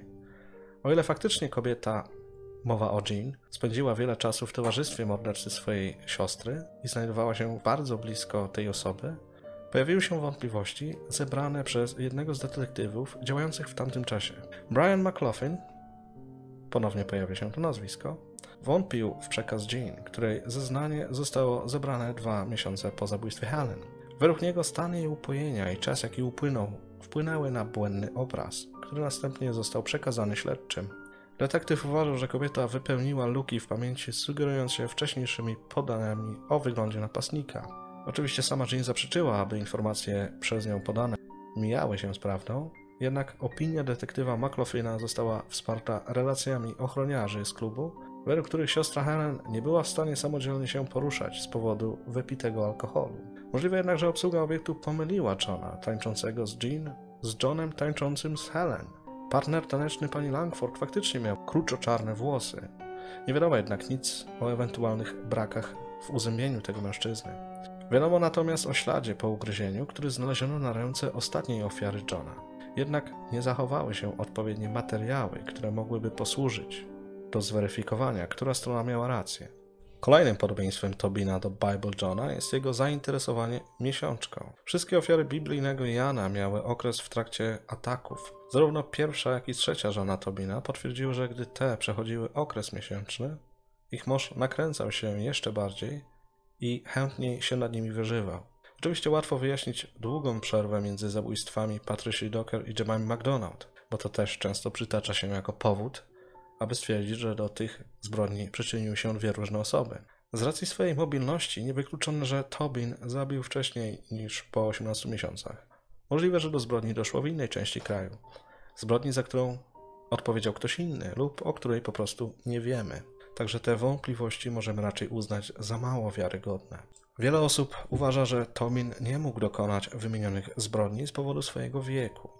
W latach 1968-1969 miał kolejno 22 i 23 lata. Według relacji świadków podejrzany o śmierć trzech kobiet w Glasgow miał mieć między 25 a 35 lat. Jednak pamiętajmy, że legackie ubranie i ładny sposób wypowiadania się, w tym przytaczanie słów z Biblii, mogły spowodować, że mężczyznę postrzegano jako starszego niż w rzeczywistości był. Podobnie sytuacja wygląda w odniesieniu do wzrostu podejrzanego o te morderstwa. Bible John miał mieć między 180 a 190 cm wzrostu. Peter Tobin jest wysoki na 177 cm, o 3 cm mniej niż dolna granica przekazywana w zeznaniach. Uważam za naturalne, że dane te mogły zostać zawyżone, biorąc pod uwagę stan nietrzeźwości większości osób, które spotkały Johna. Do tego dodajmy odpowiednie światło, a raczej jego brak, w takim miejscu jak klub taneczny, to, że wszyscy tam raczej tańczyli, czyli byli w ruchu, co nie ułatwiło też pomiaru.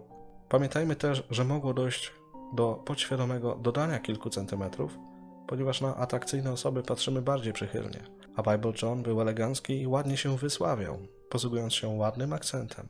Możliwe, że mający 177 cm wzrostu Tobin Zrobił tak dobre wrażenie i tak dobrze się ustawił, że większość spotkanych ludzi myślała, że ma te 185 cm wzrostu albo i więcej. Nie wydaje mi się to niemożliwe. Pomijając takie elementy jak stan upojenia czy światło, osąd świadków nie musiał też być dokładny. Sam się czasem łapałem na tym, że źle oceniłem odległość do danego miejsca czy wysokość przedmiotu w pomieszczeniu. Choć warunki naświetlenia miałem raczej wtedy dobre i byłem raczej po mocnej kawie niż kilku głębszych. Liczba tych samych relacji też mogła wynikać z prostego błędu. Do tych osób często docierano z kilkudniowym opóźnieniem. W tym czasie wieść się rozchodziła o tym, że młoda kobieta zmarła po wyjściu z klubu. W tym momencie pojawiały się informacje o poszukiwanym, które podświadomie mogli adoptować wszyscy uczestnicy zabawy, którzy nawet nie musieli spotkać Bible Johna, aby zapytani potem powiedzieć, że faktycznie miał ładny akcent, rude włosy i nachodzące się zęby. Świadomość istnienia takich mechanizmów może i nie jest miła, ale pozwala wybrać właściwą drogę w próbie odkrycia sprawcy, który być może celowo działał w taki sposób, aby zapamiętano go tak, a nie inaczej. Kolejną rzeczą wartą uwagi są pseudonimy, jakimi posługiwał się Tobin. Wyliczono ich ponad 40, bardzo często zapożyczał je od ludzi, których poznawał. Jednym z takich pseudonimów był John Sample, który bardzo przypomina godność podaną przez Bible Johna w taksówce. Mimo wielu badań DNA nie można z całą też pewnością stwierdzić udziału Tobina w zbrodniach Bible Johna. Choć często podaje się, zresztą błędnie, że wykluczyły one całkowicie udział Petera w tych zdarzeniach. Zachowane próbki nie ostały się w tak dobrym stanie, aby prace z nimi przeprowadzone mogły wpłynąć na naszą wiedzę o sprawcy ataków. Ciekawym tropem jest wskazanie przez Jean Langford osoby, która miała zabić jej siostrę. Wielokrotnie odwiedzała ona komisariat policji, aby przyjrzeć się zebranym podejrzanym, ale zawsze pokazywała na jednego z policjantów.